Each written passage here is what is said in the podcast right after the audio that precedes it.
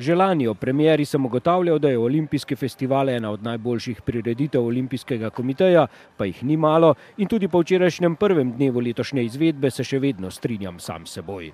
Toliko energije, toliko veselja do igre, kljub temu, da mnoge otroke zanima predvsem končna diploma, ki jo dobijo za 15 opravljenih izzivov, težko najdeš na enem mestu. Včeraj so se z izzivi 34 športnih zvez spopadali tako predšolski otroci, kot tudi osnovnošolci. Našteli so jih več kot 1700 in zagotovo bo tudi zaradi festivala kdo izmed njih že danes pripričeval svoje starše, da ga upišajo denimo v kajakaški klub, zdaj ko je imel na kajaku s koleščki možnost vsaj približno spoznati, kaj so to protitočna vratca. Ali pa, da bi se rad ukvarjal športnim plezanjem, ker je na kongresnem trgu prišel do vrha plezalne stene.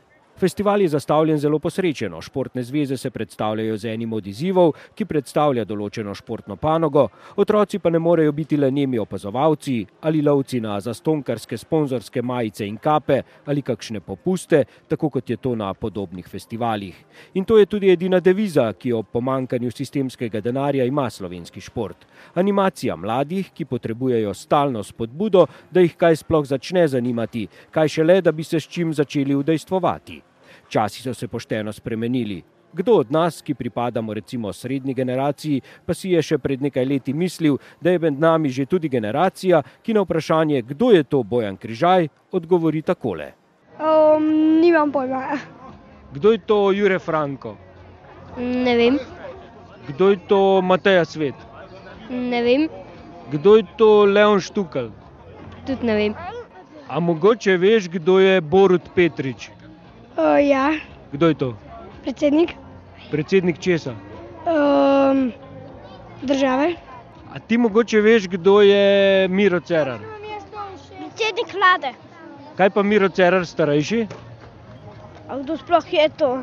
Ja, kdo bi si pred leti mislil, da bodo učenci četrtega razreda, kot je bilo to v slišanem primeru, samo debelo gledali ob omembi nekaterih velikanov našega športa in Mira Cerarja poznali le kot predsednika vlade, za njegovega očeta, legendarnega telovadca med njegovimi številnimi fenomenalnimi dosežki, naj omenim samo dve zlati in eno bronasto olimpijsko kolajno, pa še slišali niso ali da bodo Boruta Petriča zamenjali z nekim drugim Borutom, predsednikom. Ampak tudi to je dokaz, da uspehi niso večni, da je potrebno o njih obveščati vsako generacijo posebej, sploh v tako majhni državi, kot je naša. Zato se mi ob omenjenih pohvalah na račun festivala, ki danes pričakuje še več obiskovalcev kot včeraj, prikrade tudi ena graja. Škoda, da ob tako uspešnih zadnjih olimpijskih igrah, zimskih v Sočiju in nedavno končanih poletnih v Riju, na festivalu ni prisotnih več slovenskih junakov z teh dveh športnih megadogodkov.